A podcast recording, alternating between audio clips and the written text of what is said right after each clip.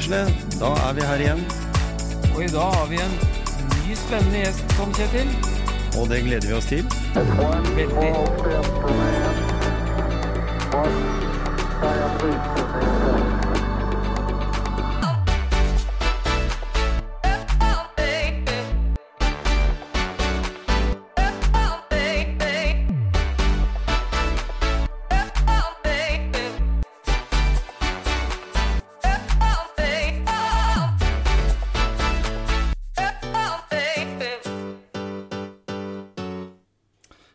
Ja her i studio sitter vi nå og har fått en uh, fyr på via Teams som er helt konge. Er helt- Velkommen, Øystein Pettersen. Jo, takk for det. takk for det. Det er jo klart at uh, hvis du sier det, så er vel, eh, har jeg kun muligheter til å snuble og at det går nedover herfra. Men det er veldig hyggelig at det i hvert fall Det er jo bedre å ha et godt inntrykk én gang enn aldri. Så tusen takk skal du ha. Ja, for den, den tittelen 'Helt konge' som du har i den nye boka di, den eh, forplikter jo litt, den, gjør den ikke det? Ja, altså Det kommer jo an på hvordan man leser, uh, leser tittelen, tror jeg. Um, Uh, jeg har skrevet en bok, som du sier, og det er veldig gøy. Uh, tittelen er 'Helt konge', og um, den spiller ikke noe på uh, selve rollen som konge, da. Altså, det, er ikke, det er ikke noe, det er ikke noe tittel som, som henspiller på, på hvor du bor i, på Karl Johan. Uh, det er nok mer en, en, en, en tittel som spiller på hva jeg mener følelsen av å lykkes er. Mm. Jeg mener at jeg føler meg helt konge når jeg får til det jeg har lyst til å få til. Mm. Så helt konge spiller på den følelsen av å få til noe. Og så er det òg et akronym for, for en dritenkel metode for å få til det de har lyst til å få til. Og så mener jeg selv at den er både universell og ø, appliserbar uansett hva slags kontekst du står i. Mm, ikke sant? Men, men når du sier å få til det en har lyst til, er, er det det er synonymt med suksess, da? Ja, det er jo spennende, da. Um, uh, suksess, hva er suksess, da? Um, jeg har jo ikke noe fasitsvar på hva suksess er. Vi er veldig ulike. Men um, jeg definerer suksess som en følelse. Jeg definerer suksess som følelsen av helt konge. Jeg, jeg definerer suksess som Jeg pleier å si det at uh, veldig mange sant? i samfunnet så har vi jo forelska oss i et sånt suksessbegrep som går på prestisje, titler, penger, resultater, medaljer, uh, status. Disse tingene. Eh, og jeg, jeg kan jo si med litt tyngde, for jeg har jo vunnet et olympisk gull, og det er jo, det er jo et ganske godt resultat. Eh, Men det, det har ikke så mye med suksess å gjøre. Jeg definerer suksess som en følelse. Den følelsen har du når du står opp om morgenen og når du legger deg om kvelden, uavhengig av hvilke resultater du skaper. Jeg pleier å si det at resultatene deres gutter, de finner jeg på internett. Ja. Eh, altså, jeg kan sikkert finne hvor mange lyttere dere har på denne episoden på internett. Mm. Men de resultatene kan jeg ikke definere som suksess eller ikke. For den suksessen er liksom hvilken følelse dere har når dere spiller inn, og når dere er ferdig med å spille en episode. Det er det det dreier seg om. Mm. Så, resultatet finner man på internett. Suksess ser jeg i øya deres, gutter. Jeg ser det på fargen i kinna deres. Jeg ser det når dere møter opp, og når vi går hjem for dagen. Um, så ja. Så, men, men spørsmålet ditt er jo, er jo godt, det. Og jeg tenker liksom sånn at da er vi tilbake til det der med det, det med egenopplevelse. For at det, egentlig så har jo ikke alle på en måte det samme potensialet for å bli olympisk mester, da. Selv om man kan bli olympisk mester hvis man har de rette, rette fysiske egenskapene pluss det mentale. Men, men det er ikke for alle å bli olympisk mester. Derfor så tenker jeg altså at man, man må finne sin egen opplevelse i det man driver med. Da. Og det er vel kanskje det du eh, kommer med, med i, i budskapet i boka di, da. jeg, jeg sier i hvert fall det at um, for det første så er det en haug av ting rundt et resultat du ikke får styrt. Ikke sant? Det er så mange ting rundt et resultat du ikke får påvirka. Det kan være det kan være uh, vår gode venn Omikron som kommer og uh, setter øh, hele bransjen ut av spill. Eller det kan være dårlige ski. Eller det kan være konkurrenter. Eller det kan være valutakurs. Eller det kan være tre barkebiller i Canada. Det er så mange ting du ikke får styrt rundt et resultat. Det er det ene. Og det andre er jo det at hvis det er sånn at suksess handler om å være best i noe, så vil jo, det er som du sier, da, da er jo suksess bare for noen få. Og det nekter jeg å gå med på. fordi at eh, jeg mener helt alvorlig at det å, å, bli best, det er kanskje bare for noen. Men det å lykkes, det er for alle. Uh, men dagens forelskelse, dagens oppfatning av suksessbegrepet, er kanskje ikke forenlig med å si at det er for alle. For vi spør jo hverandre hva, hva vi jobber med. Istedenfor å spørre meg hvem er det du er? Hvem mm. er dere, gutter? var det første jeg spurte dere. Mm. Og så svarte dere hva dere dreiv med. Dere svarte ikke meg på hvem dere var. Du, du, sa at du jobba som et eller annet på sykehuset, sånn, mm. men du er jo ikke det. Nei. Men du, du, svarer det til meg, og så ut, Enten jeg vil det eller ikke, så putter jeg deg da i et slags sånn hierarki. Hvis du hadde sagt ja, jeg er statsminister, jeg, eller jeg er Så hadde jeg tenkt å ja, han er høyt oppe. Og så Hvis du hadde sagt noe annet, så hadde jeg tenkt, kanskje det er litt lenger ned på listen. ikke sant? Sånn. Men det har jo ingenting med suksess å gjøre, eller, eller, har heller ikke noe med hvem du er å gjøre. Folk sier til meg at jeg er tidligere skiløper. Sånn, jeg er jo ikke tidligere skiløper. Jeg er Øystein Pettersen. Jeg er glad i folk, brenner for hverdagsglød, entusiasme, energi og inspirasjon. Og så har jeg gått mye på ski tidligere, mm. og så går jeg faktisk en del på ski nå også. Nemlig. Og det gjør du. Fordi ja, altså, eh, du har ikke lagt skia på hylla, som de sier. Eh, jeg har aldri sagt uh, at jeg har lagt opp. Nei. Kommer aldri til å si at jeg har lagt opp. Uh, men jeg er jo ærlig på at jeg går saktere og mm. saktere og saktere for omtrent hver dag som går. Altså, jeg, jeg går så sakte nå. Men jeg koser meg. Og det er sånn Hvis jeg igjen, da, tilbake til suksessbegrepet. Jeg føler meg helt konge hver gang jeg er ute og cruiser. Men det er dritmange som går veldig mye fortere enn meg i skauen uh, i tights også. Det må jeg være ærlig på. Mm.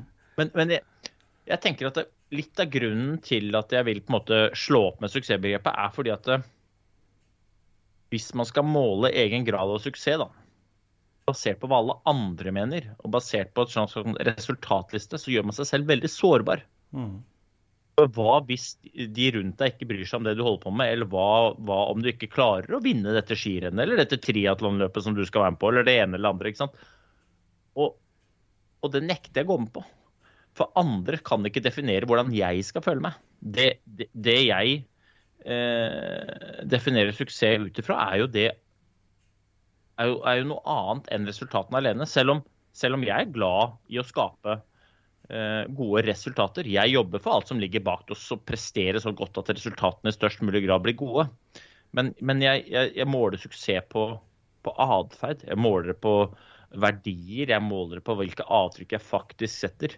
Jeg måler det på hvem jeg er og hvem jeg har lyst til å være, og hvordan jeg faktisk opptrer. Jeg sier mm. til folk at ikke døm meg. For jeg får ofte eh, kjenne på det at jeg får litt sånn fordelaktig gode Eh,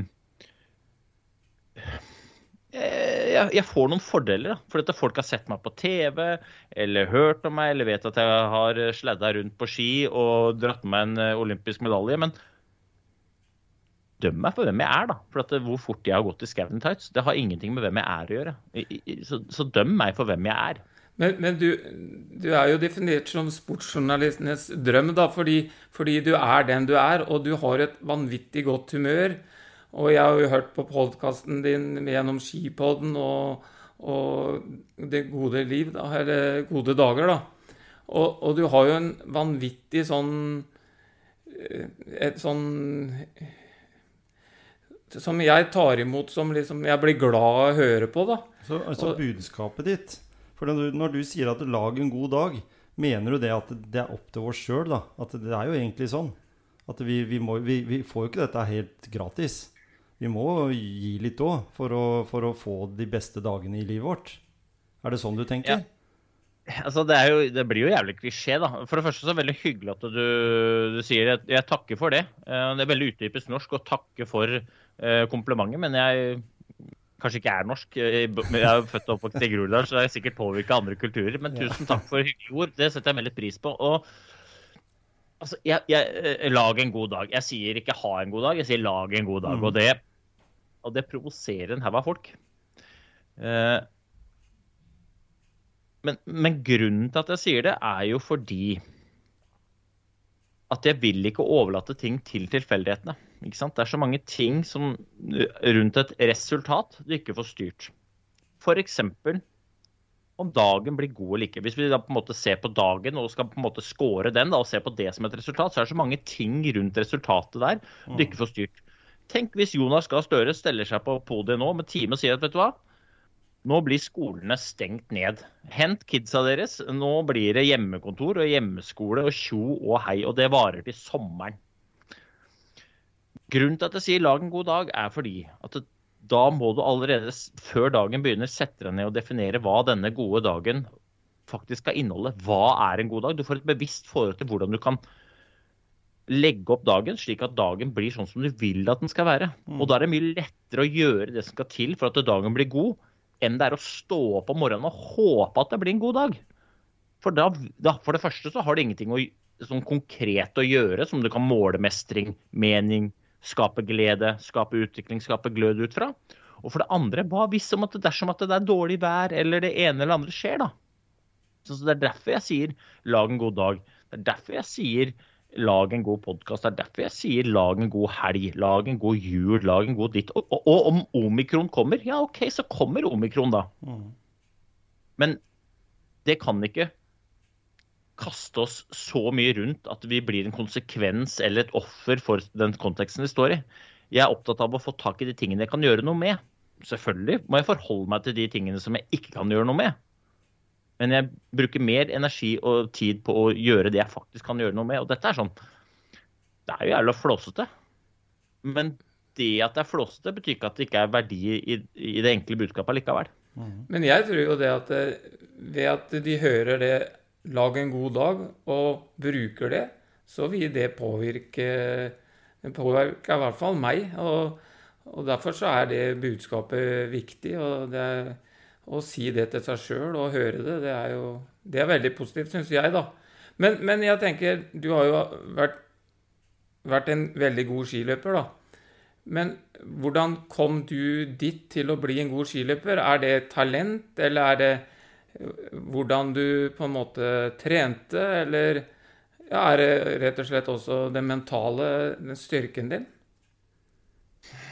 Ja, det, er et, det er et veldig sammensatt spørsmål, da. Mm. Um, jeg, er, jeg, jeg, sier at jeg er en helt vanlig fyr. Altså, jeg er helt vanlig fyr. Jeg har ikke noen sånne spesielle talenter. Og jeg ble jo heller aldri verdens beste skiløper. Uh, og det er mange ting som har påvirka meg. Veldig mye av det er tilfeldigheter. Og veldig mye av det er eierskap. Hvis jeg skal dra frem liksom den ene egenskapen jeg har som kanskje har vært viktigst, så tror jeg det er eierskap. Da. Eierskap til at jeg må gjøre det som skal kreves for å være i stand til å prestere så godt at resultatet kan bikke i min favør. For igjen, det er så mange ting rundt et resultat du ikke får styrt. Mm. Om det er altså, I OL 2010 så, så, så sto jeg, jeg på start for Norge i finalen i den individuelle sprinten. Jeg tror at jeg hadde vunnet det rennet, men så kom Alexei Poltorani, tråkka meg på høyresida i nest siste venstresving, så jeg tryna. Jeg presterte veldig godt, ble nummer seks.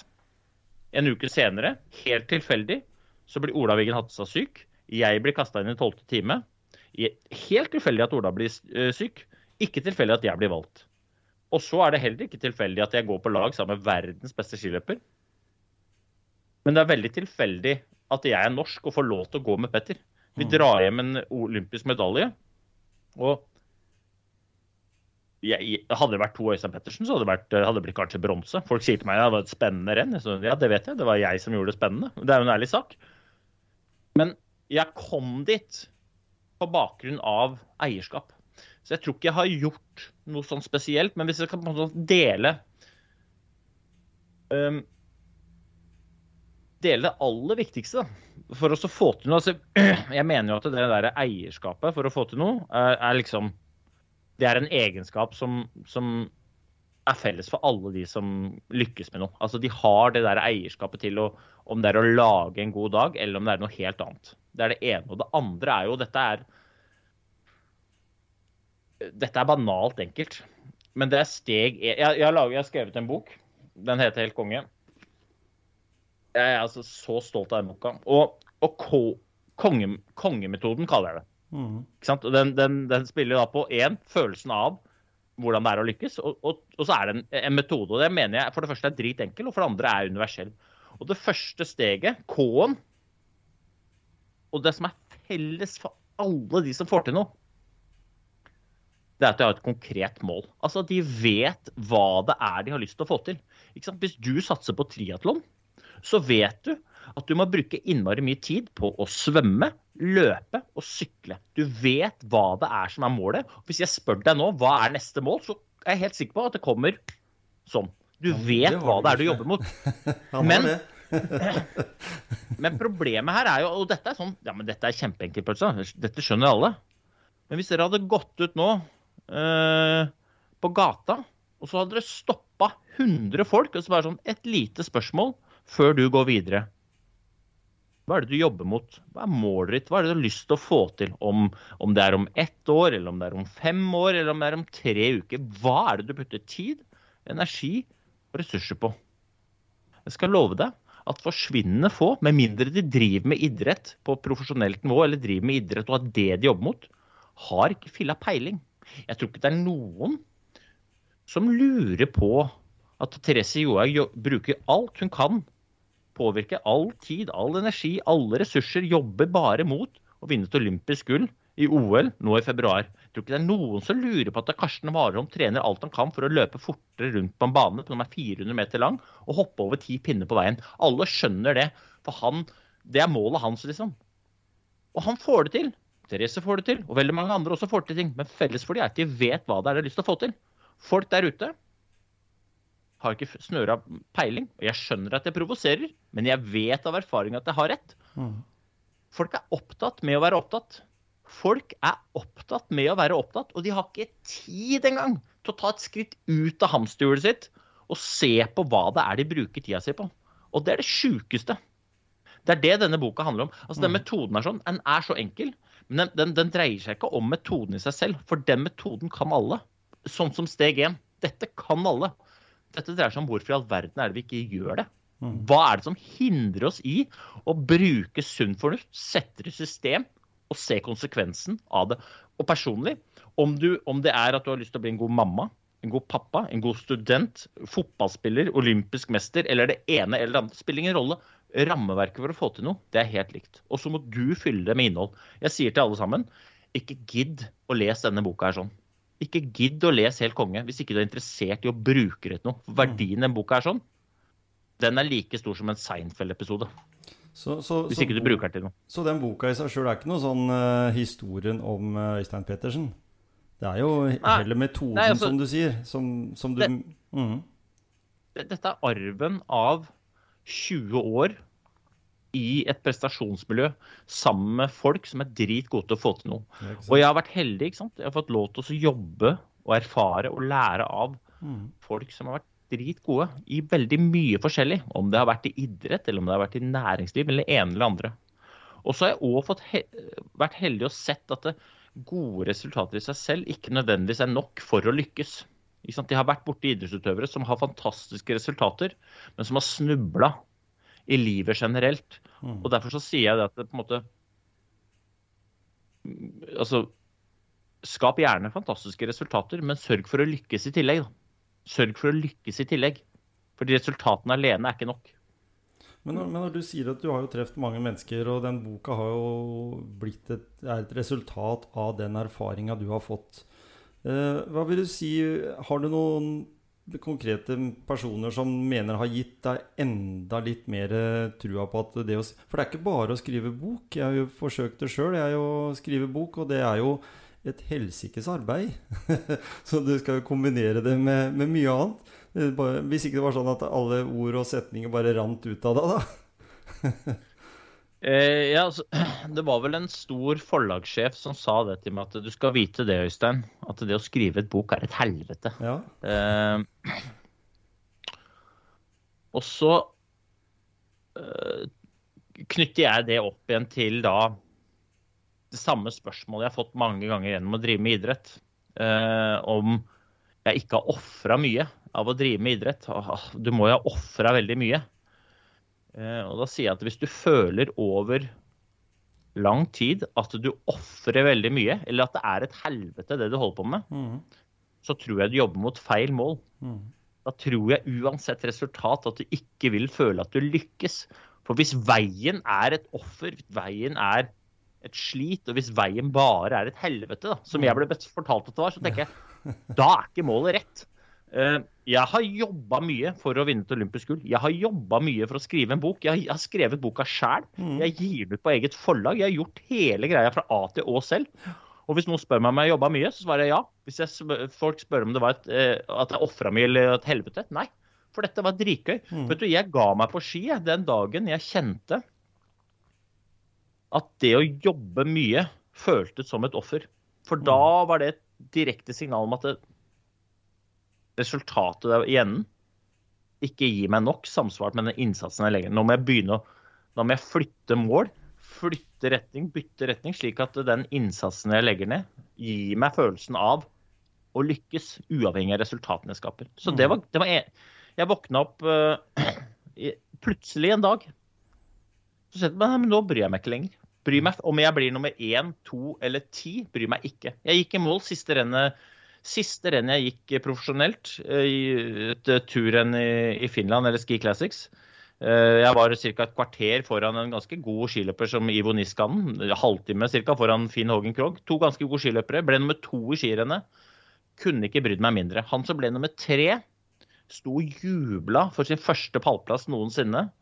Og jeg ble nummer to og tenkte Fy søren, nå gleder jeg meg til å begynne på mandag. Gjøre noe helt annet. Mm. Så mm. Men, men eh, når du snakker om det der siste skirennet, da, det, det var jo langløp, og du var jo en sprinter. Eh, og det å gå fra sprint til langløp eh, Først må jeg spørre, hva var motivasjonen din for det? Og, og hvilke tre, in, endringer måtte du gjøre i treningsmetodene? Var, eller kunne du bare fortsette sånn som du hadde gjort? Ja, Det er et godt spørsmål, da. Um, jeg datt ut av landslag fordi jeg ikke var god nok i 2014. Mellom 2010 og 2014 så var jeg egentlig ikke god nok. Jeg slutta å, slutta å drive med utvikling, slutta å holde på med det som gjorde at jeg kom til OL eh, i 2010 i stand til å vinne et olympisk gull. Og så begynte jeg bare å vedlikeholde det jeg hadde. Og til slutt da så eh, så blir man jo på en måte både forbigått, og til slutt så blir man utdatert. Og det var det som skjedde med meg. Eh, og så ble jeg kasta ut av landslaget, og da måtte jeg jo ta et verdivalg, da. Da måtte jeg ta til liksom, OK, greit, nå må du begynne på nytt. Enten så må du fortsette på ski og begynne å gjøre det skikkelig igjen. Eller så må du finne noe helt annet å gjøre. Og så kjente jeg at jeg hadde så mye sånn skiglede i meg. Jeg hadde så lyst til å gå på ski, jeg hadde så lyst til dette, så da begynte jeg med langløp. Så det var liksom det var jo på en måte inspirasjonen og, og, og, og trøkker bak det. At jeg hadde lyst til å vise for meg sjæl, først og fremst, men også for omverdenen, at faen, jeg, jeg får til dette. Jeg må bare begynne å gjøre det skikkelig igjen. Og jeg var veldig ærlig på at det var ikke noe, det var ikke noe tilfeldigheter eller uflaks eller noe som gjorde at det datt ut. Det var bare konsekvensen av for dårlig jobb over for lang tid. Eh, Så, så det var liksom greia. Det, når du driver med med langrenn da, i Norge og på, på landslaget og sånn, så fra, fra, år 2000 tenker jeg, til 2014 så var min hverdag bestod av to treningsøkter hver dag. En på, en på morgenen og en på ettermiddagen. Og så i 2012 så ble jeg pappa. Uh, og uh, jeg, som alle andre fedre, sier at uh, det aller viktigste for meg er familien. Samtidig som jeg ikke prioriterte familien i stor nok grad. Altså, jeg kjørte over det jeg sa var det viktigste for meg, i jakten på ting som handla om medaljer, status, prestisje, disse ytre tingene. Og uansett hvilke resultater jeg skapte på idrettsbanen, så kom jeg hjem med en klump i magen og en følelse av at jeg ikke strakk til på det aller viktigste. Så når jeg datt ut av landslaget, så tok jeg et verdivalg på at jeg skulle begynne å ta vare på det som faktisk ga meg den følelsen av å lykkes. Og det var familien. Så jeg begynte å trene. Endra fra å trene to ganger om dagen til å trene én gang om dagen. Eh, Jeg slo liksom sammen øktene, var i utgangspunktet mitt. Jeg tenkte at man bare slår de sammen. Eh, Så istedenfor å trene to, to timer på morgenen og halvannen time på kvelden, så trente jeg tre og en halv time midt på dagen. Mens da min datter Oda var i barnehage, og mens kona mi var på jobb. Og så var jeg pappa fra jeg henta barnehagen klokka tre Og, så, og da hadde jeg jo trent og var ferdig, og så var jeg pappa og ektemann resten av dagen. Og det ga meg jo en sånn ro og en sånn Jeg var så veldig usårbar, for jeg visste at jeg kom til å lykkes uansett om jeg gikk fort eller sakte i Vasaloppet. Så kom jeg hjem til en familie som eh, både var glad i meg, og jeg var glad i de, men som òg visste at jeg prioriterte de. Um, så, så, jeg endra jo totalt, totalt, på treninga. Så, og så syns jeg det var innmari gøy. Da. Det var som å åpne en ny side i en bok som jeg trodde jeg kunne og hadde lest fra perm til perm, men så bare plutselig så fant jeg et helt nytt kapittel mm. som jeg kunne dykke i. liksom, bare sånn, Fy faderen, langløp, ja. Og var, plutselig var det helt nye mekanismer, det var ny teknikk. Det var bare staking, det var helt ny tilnærming til trening, det var helt ny tilnærming til taktikk. Det mentale aspektet var nytt. Eh, ernæring altså Det var så mange nye aspekter jeg kunne begynne å lære. så Jeg bare sånn, jeg føltes som om jeg ble født på nytt. da. Mm. Og, og når, du, når, du, tenker på sånn i forhold til nettopp det med langløp, da, så er det jo flere eh, kolleger eh, fra langrennsmiljøet som, som har gått eh, det vi kaller normal langrenn, og så gått over til langløp.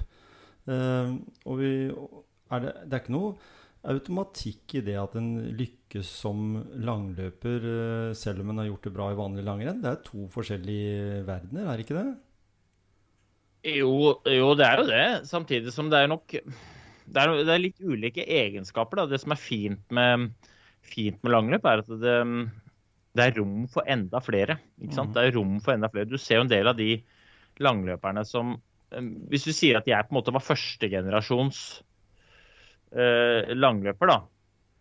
Eh, så, så, så, gikk jo jeg Og da var det på en måte en miks mellom, mellom noen unge gutter som bare hadde drevet med langløp, og så var det en en gjeng da uh, med fare for å tråkke på de andre. Da. Men i hvert fall, jeg kan jo si at jeg var jo beviselig en avdanka verdenscupløper.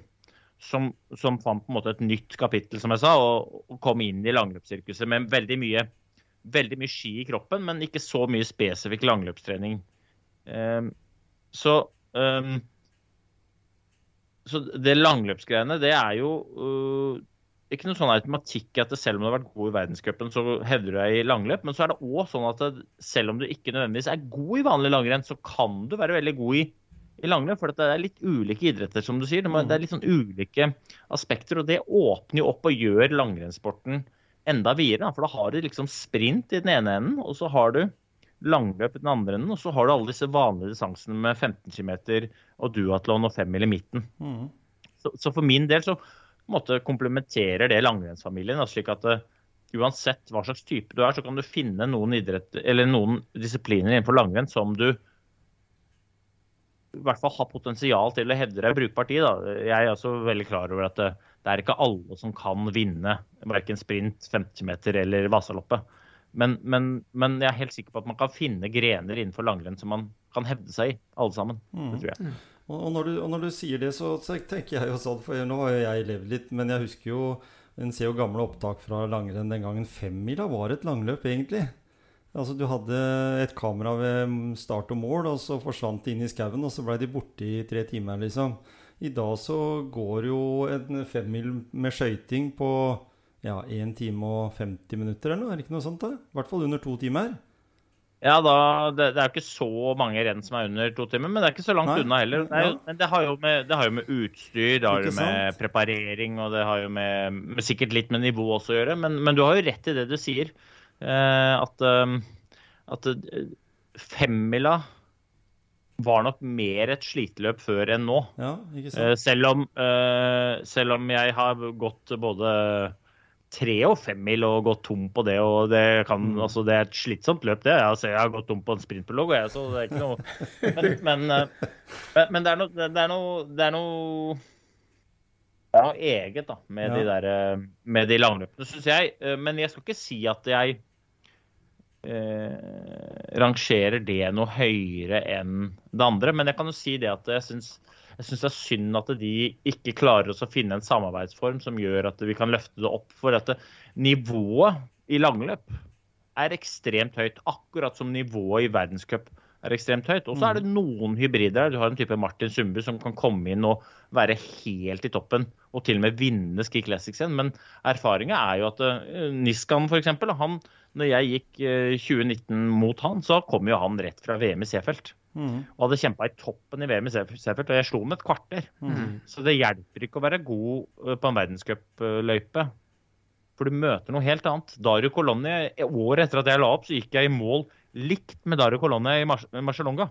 Mm. Og jeg hadde, jeg hadde lagt opp, og han hadde trent knallhardt og hedda seg brukbart. Da. Han var ikke helt i toppen i verdenscupen, men han var, og når vi kryssa mållinja, så hadde jeg tenkt at han også gjorde det samme som meg. Sparer litt krefter, fordi at det er en bankett på kvelden. Mm. Men når vi kryssa den røde linja, så deisa Dario i bakken. Mm. Og da tenkte jeg OK, ja, for dette er noe annet enn det han er vant til. Mm. Men snakker, snakker vi litt om klokskap òg?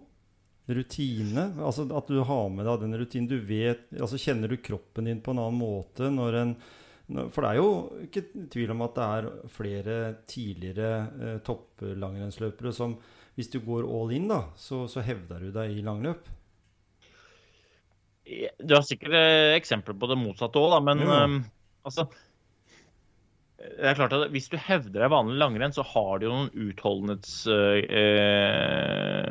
utholdenhetsgener. Mm. som, så, som på en måte, du er veldig godt disponert for å drive med, med utholdenhetsidrett. Eh, men du har jo sånn som Andreas Nygaard, da. En fantastisk langløper. Eller uh, Oskar Kardin.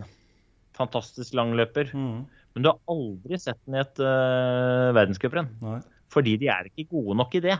Men de er sinnssykt gode i langløp. Mm. Så, så, så på en måte Det er ikke noe tvil om at de som er gode i verdenscup, har veldig gode forutsetninger for å hevde seg. Mm. Men det betyr ikke nødvendigvis at de kommer inn og gjør reint bord. Jeg er kjempespent nå. Nå skal Sundby gå.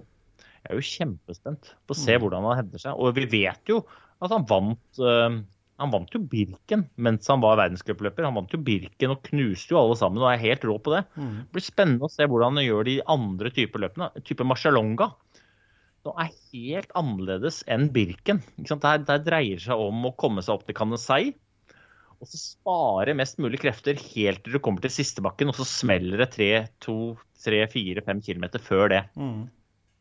Og det er en helt annen type gåing enn når du steller deg på Tingstadjordet på Rena og smeller oppover mot Skremselsetra. Det er liksom Det der er jeg spent på. Åssen går det med Martin i Marcialonga? Åssen går det med den i Vasaloppet? Åssen går det med disse rennene? Og vi vet at hvis vi hadde stelt oss på start der med feste i en verdencupløpet, så hadde Martin smadra alle på start.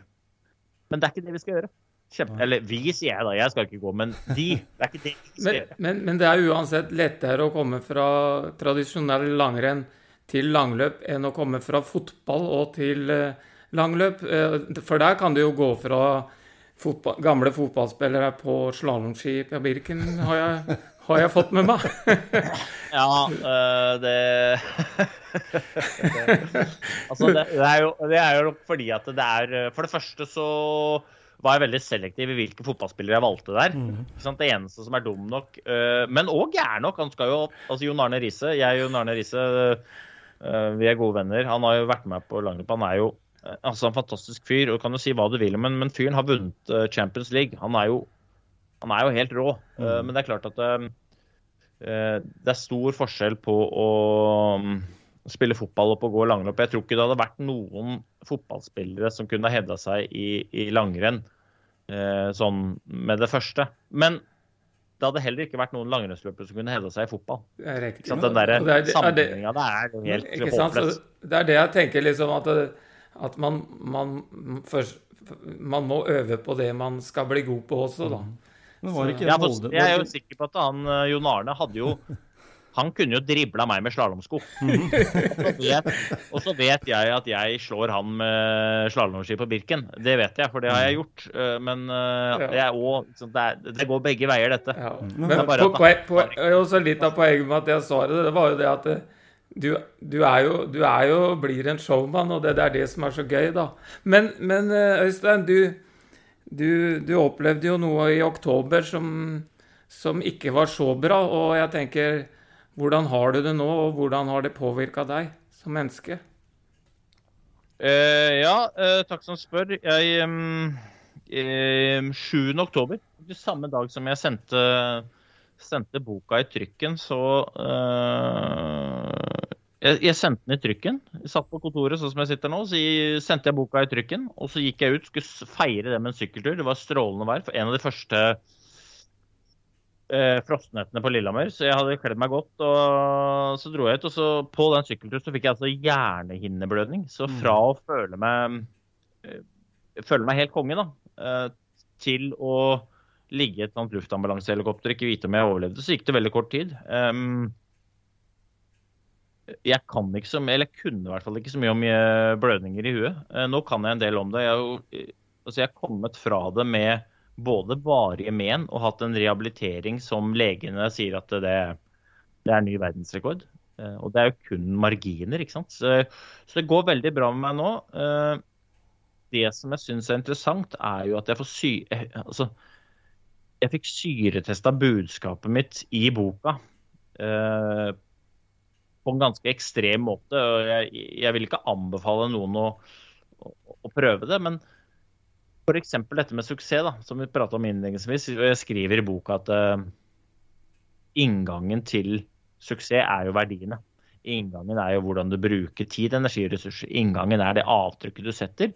Sett opp imot det avtrykket du har lyst til å sette. Mm. Og det man tenker på når man ligger i et ambulansehelikopter, og det man liksom på en måte er redd for å miste hvis, hvis, hvis ikke det er det man definerer som suksess, så vet ikke jeg hva det er. Men jeg kan røpe såpass at jeg tenkte null niks og nada på et olympisk gull. Mm. Tenkte null niks og nada på, på eventuelle penger eh, jeg har tjent. Det jeg tenkte på, var jo de folka jeg var glad i, Mm. og tida jeg har brukt sammen med de folka jeg er glad i.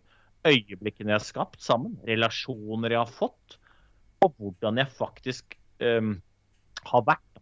Hva, slags, hva kommer folk til å si om meg? Ikke sant? Det er det du tenker på. Og så tenker man nå at hvis jeg overlever, så skal jeg bli enda flinkere til å bruke tid på dette. Jeg skal bli enda flinkere til å lage gode dager. Det er det ene. Og det andre er jo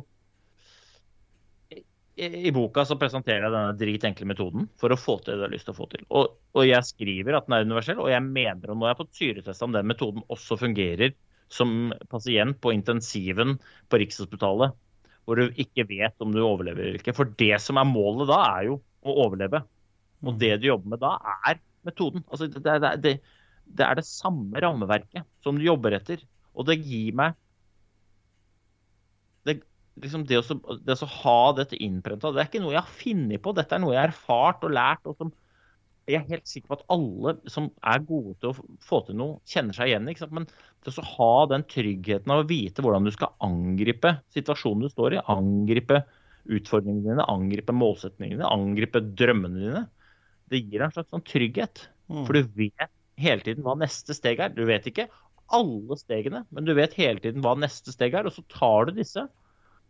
Og så gir det en slags sånn ro, da. Så det går veldig bra med meg, og så opplevde jeg at jeg fikk fikk hjelp av det jeg har lært uh, i mange år. Mm. Så, så, så det, det du skriver om i boka, det er et godt verktøy.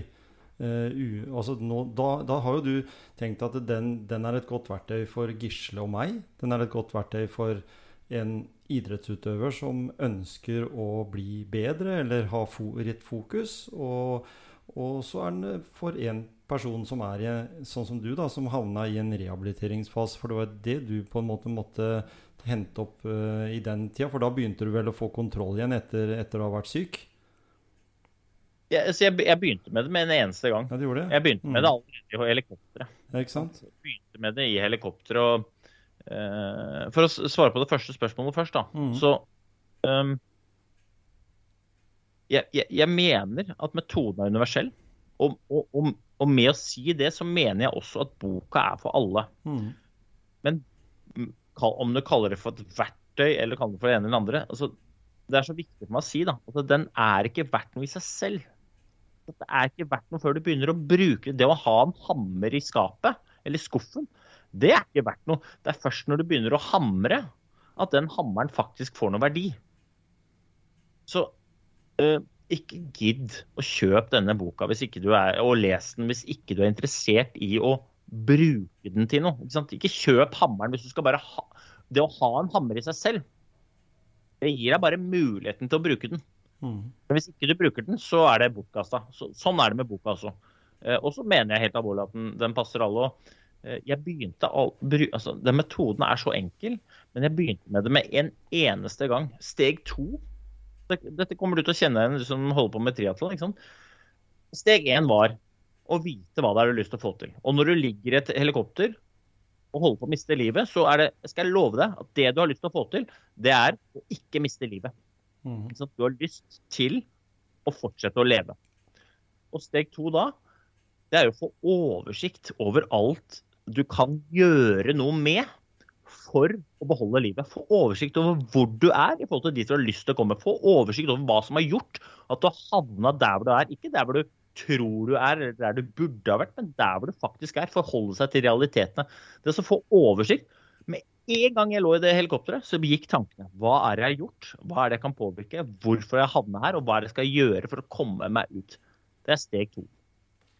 Og det er da litt i det at du da kom tilbake igjen såpass raskt, i kombinasjon med at du selvsagt hadde en god fysikk, da, for det hjelper jo litt på det òg. Altså, jeg kan ikke nok om det. Jeg, jeg er i hvert fall helt overbevist om at eh, Jeg har sagt det mange ganger også. Det er en haug av tilfeldigheter som påvirker et resultat du ikke får styrt. mm. Og jeg har ikke gjort noe mer riktig enn andre som med hjernehinnebblødning. Altså, det er en haug av folk som dessverre ikke overlever. Og det er ikke fordi de har gjort noe gærent. De har bare hatt de tilfeldighetene som de ikke får styrt, på feil side. Jeg hadde eh, mange tilfeldigheter på min side, men for min egen del, da, så, så som jeg sa, altså det å ha en trygg og standardisert metode å gå etter for hvordan jeg skal angripe situasjonen jeg står i, uavhengig av om jeg liker situasjonen eller ikke, det har påvirka meg veldig positivt. Mm. Um, og så har jeg, jeg Jeg er ganske overbevist om at jeg har gjort veldig mye riktig, men jeg er også veldig ærlig på at jeg har hatt sjukt mye tilfeldigheter på min side som har gjort at jeg kan f.eks. sitte her i dag da, og prate med dere og være helt frisk og oppegående. Mm. Gjennomsnittlig sykemelding er elleve måneder. Ja. Og det er bare to, øh, drøyt to måneder siden jeg øh, holdt på å miste livet. Mm. Så, øh, men at metoden har hjulpet meg på et vis, ja, 100 Mm. Og jeg tror nok det at den måten man tenker på, gjør at man raskere kommer tilbake. Vi hadde jo en prat med Kari Øyre Slind om det å komme tilbake. Og, og hvordan hun tenkte da for å komme tilbake i skisporet. Mm. Og, og det der med å komme tilbake Du er jo tilbake i 'Mesternes mester' igjen nå, eller? Jeg er, altså Comeback er liksom blitt min greie, da. Det var den største nedturen når du røyket. Det kan jeg si, det når du røyket sist pga. Noe, noe dritt. Sånn, så, så var det en nedtur, for vi hadde alle gleda oss til å følge Øystein i 'Mesternes mester', altså. Ja, Det er jo hyggelig å høre. da. Det, mm, ja, jeg er i hvert fall tilbake igjen nå i, i 'Mesternes mester' og um, Det er jo interessant, da, fordi at der er man på en måte inne på disse tingene som, som jeg skriver om i boka. Liksom, hva er det som hindrer oss i å bruke disse tingene? Og kanskje den største feilen vi gjør, da, det er jo å la frykten for å mislykkes stå i veien for å tørre å gjøre så godt vi kan. Fordi vi er så jævlig forfengelige. ikke sant? Så, så, Hvis det er noe vi tenker at her er det muligheten for at jeg mislykkes, så istedenfor å faktisk gjøre så godt du kan, så, så overdemonstrerer du at her bare gjør jeg det litt dårlig. For det er mye tryggere da å mislykkes og bare late som du ikke gjør så godt du kan, enn å faktisk gjøre sånn ditt aller beste. Mm. Og det kjente jeg jo litt på da når de ringte meg opp igjen. ikke sant? For det, er sånn, det er som du sier, jeg røyker ut. Folk tenker sånn det er er ikke så farlig om jeg vinner, men jeg, i hvert fall ikke komme, jeg vil ikke ryke ut først. Jeg vil ikke gå i den første nattesten. Jeg kommer jo ikke til nattesten engang. Altså, sånn, jeg er jo det skrøpeligste av de skrøpelige. Og, og når de da ringte, og dette er jeg ærlig på, når de ringte og spurte om jeg hadde lyst til å være med igjen, så tenkte jeg jo med en gang Tenk hvis det går verre. Mm. Altså For den frykten for å gjøre det enda verre er jo reell. Og forfengeligheten rundt det. Hva, hva, hadde, hva hadde dere gutta tenkt, da? Hvis jeg hadde sett det hadde vært pusling i første episode, og ser jeg bare bli skada igjen av å legge puslespill på nasjonal TV, og Mm. da hadde dere tenkt nå må han gi seg. Dette er jo, han er jo altså pill råtten på innsida. Det er, disse mekanismene står i veien for å tørre å prøve. Jeg pleier å si det at den du har vært, kan ikke stå i veien for den du har lyst til å bli. Hvis du skal drive med utvikling, hvis du skal få til noe, så må du faktisk komme over det hinderet. Ofte så er vi selv det største hinderet. Mm. Og det går veldig mye på frykt og forfengelighet. Og når du tenker, når tenker på sånn som 'Mesternes mester' Nå har jeg jo snakka med Jan Kvalheim noen ganger om akkurat det der. Det er noe som er spesielt med det programmet som gjør det veldig populært. Og det er jo det at du treffer tidligere toppidrettsutøvere som har noe i seg som er unikt. Dette her med samhold, dette her med å dele historiene sine. Dette med å, å på en måte skape en sånn feel good-følelse av å se et program. For i dag så er det jo mye reality. Du har vært med på det sjøl òg. Reality som er sånn skikkelig Her skal vi slå ut folk. Og, og, og dette her er jo en real fight en har uh, på slutten der mot den dårligste og den nest dårligste. For jeg tror ikke det er noen som har spekulert i det. Nå skal jeg sørge for at han som jeg vet er den beste, skal ryke ut, liksom. Det er jo ikke det. Det er jo det har, Jeg tror Nei, aldri det har det det er vel et par episoder, jeg skal ikke nevne navn, det var vel et par litt uheldige valg der for Helt noen sesonger siden. Ja. Uh, men uh, em, i hvert fall min egen årsak til at jeg ble med, var jo ikke at jeg hadde lyst til å vise det norske folk hvor eh, dårlig jeg er til å telle oliven og eh, sitte i 90-graderen. For det, det bryr jeg meg ikke noe om. Men det som er spennende med programmet, er jo at det er ti mennesker eh, som alle sammen har veldig klare tanker rundt hva det vil si å prestere. Mm. Ikke sant? Vi kan sitte og prate om prestasjonsbegrepet med helt ulike perspektiver på hva det å prestere vil være, men allikevel Essensen er ganske lik. Sant? Det, er, er derfor jeg sier den metoden er sånn. Det er ikke noe jeg har funnet på, men jeg har jo da fått lov til å dykke ned i så mange ulike prestasjonshoder og så høre hva er det dere har gjort for å bli så rå som dere har gjort. Eh, og hvis jeg må telle oliven hvis jeg må løpe i sand og bære folk på ryggen for å få lov til å sitte rundt det bordet og, og høre hva det er dere tenker, så kan jeg sitte i 90-graderne i ukevis. Få det på. Eh, mm, Så det var liksom min inngang til det. Det er det jeg tror kanskje gjør det programmet litt sånn spennende. Fordi at det er veldig mange ulike folk som har holdt på med masse ulikt, som har masse ulike egenskaper, men som i bunnen har det samme synet på en del ting. Mm. Og det gjør at det, blir den der dynamikken blir ganske intens da, og ganske god og ganske spennende. Fordi vi prater om det samme fra helt ulike perspektiver. Mm. Og da kommer vi så langt Tom, mot slutten av denne podkasten, Øystein. Men jeg har lyst til å høre hva, hva skal du gjøre i jula? Nå er jo nærme, vi nærmer oss. Jul er snart. Ja, jula skal jeg lage god, vet du. Den skal jeg lage helt perfekt. Så første steg på, på jule, juleprogrammet er jo å få i havn alle disse tingene som må i havn for at jula skal bli god. Da, da snakker vi noen gaver. Det skal, jeg, det skal jeg ordne ganske fort. Men det, liksom, aller viktigste er jo at jeg skal ut, finne et perfekt juletre sammen med kidsa mine. Eh, vi må finne ut hvor vi skal grille, grille pølser på julaften, for det er en juletradisjon. Eh, vi skal eh, lage pepperkakehus. Eh, vi skal pynte tre. Ikke sant? Vi skal gjøre disse tingene som ikke koster så mye, men som betyr så sjukt mye. Så jeg skal, jeg skal tilbringe tid sammen med de folka som betyr aller mest for meg. Det er det jula skal dreie seg om. Og så skal jeg dytte gapet fullt av god mat. Altså sånn eh, Med fare for å tråkke rett ut i Greta Thunberg-salaten, så blir det nok litt kjøtt i jula. Ja. Sprø svor og og pinnekjøtt og pølser og det. Sånn er det.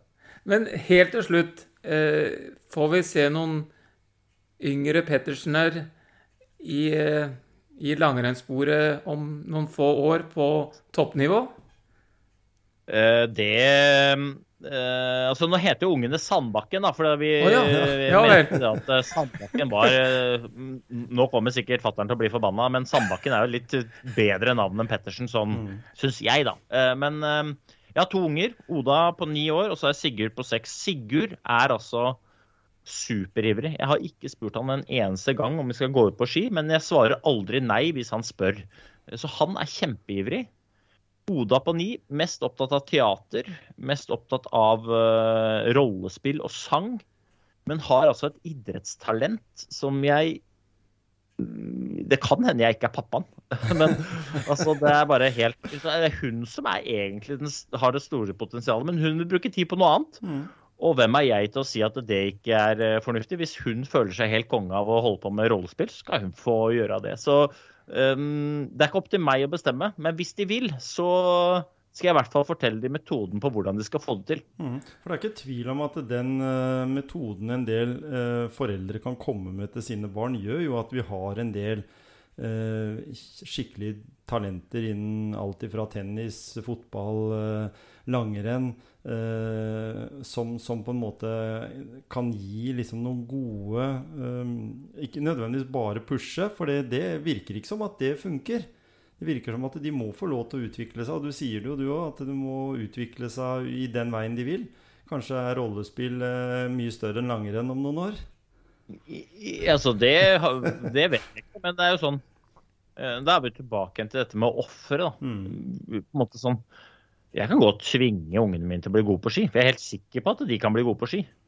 Men hvis de føler at det er et offer og et slit og et uh, helvete, da, som vi snakka om i stad, så vil de jo aldri lykkes, selv om de vinner olympisk gull. For at de føler at det de gjør, er et slitt. Så, så her dreier seg om noe annet enn de resultatene vi skaper. Det dreier seg om noe annet enn hva jeg eller samfunnet eller noen andre mener at de skal gjøre. Mm. De må finne ut hva de har lyst til å gjøre. Og så er det min jobb og min plikt som forelder å heie på de hvis de kommer opp med noe. Om det er å være bussjåfør, eller om det er å drive med skuespill, eller om det er å øh, bli statsminister, eller om det er å bli lærer eller skiløper. Det har ikke jeg noe med. Min jobb er bare å hylle de for at de finner ut hva de har lyst til å gjøre. Og så skal jeg hjelpe dem med det. Mm. Mm, Og det tror, jeg, det tror jeg er viktig budskap til mange, mange foreldre der ute. da, Mm. å, å ha den innstillinga. For det er det, det det vi lykkes best med, tenker jeg. Og du har fortalt oss nå at du sier det til de som ikke er interessert i, i temaet, så behøver de ikke å kjøpe boka di. Men litt reklame helt på slutten. Du kan gå inn på nettsida di. Ja, så øh, Bestille For boka, bok. tenker du? Ja. Ja, for, altså, det er jo kjempegøy hvis folk har lyst til å uh, lese boka og, og tenkt oss å bruke den til noe. Så er jeg jo ærlig på at bokas egenverdi Mm. ikke så stor. Men jeg er overbevist om at de som leser boka og fyller den med sitt innhold, Mm. Eh, kan skape vanvittig verdi av det. Én ting er resultater, en annen ting er den følelsen de får av å gjøre det de har bestemt seg for å gjøre. Mm. Eh, og hvis du skal kjøpe boka nå, Boka lanseres 6.1, men du kan forhåndsbestille nå. Ja. Da får du boka signert, og så får du med eh, alle mine refleksjoner rundt eh, Jeg har lagt med et kompendium som jeg skrev etter hjernehinneblødninga. For den boka ble jo sendt til trykken eh, når jeg fikk hjerneblødning. Men eh, i ettertid så har jeg skrevet noen refleksjoner. Um, så hvis du vil forhåndsbestille boka, så må du gå inn på bookis.com. Mm. Der kan du forhåndsbestille boka. Da kommer den rett i posten. Det, altså, det er, koster deg like lite som å gå inn på Netflix. Mhm. Um, så det er bare å forhåndsbestille der. Og hvis du ikke gjør det, så har jeg ikke noe grunn til å moralisere over det. Det finnes så mange gode bøker der ute at um, uh, Ja. Men jeg eh, håper selvfølgelig at folk har lyst til å lese boka. Jeg er dritstolt av den. Veldig bra. Den er, den er helt konge, for å si det sånn, Øystein. Og så anbefaler jeg alle å høre på Gode dager. Ja. Følg podkasten din. Tusen takk for at du ville være med. Så får du ha en riktig god jul med familien og Nei, venner nei, og bekjente og nei, alt. Nå, nå, nå er du rett ute på det. Hva det? sa du for noe? Ja, du sa, Og så får du ha en. Sa Ja. du. Ja. Lag en god dag. Lag en god dag. Lag en god jul. Lag Lag en god dag. Og det gjelder til dere òg, gutter. Dere kan godt overlate jula til tilfeldighetene, men det tror jeg er risikabelt. Nemlig. Lag Tusen takk en for at du ble eh, med. god jul. Takk, gutter. Takk, takk.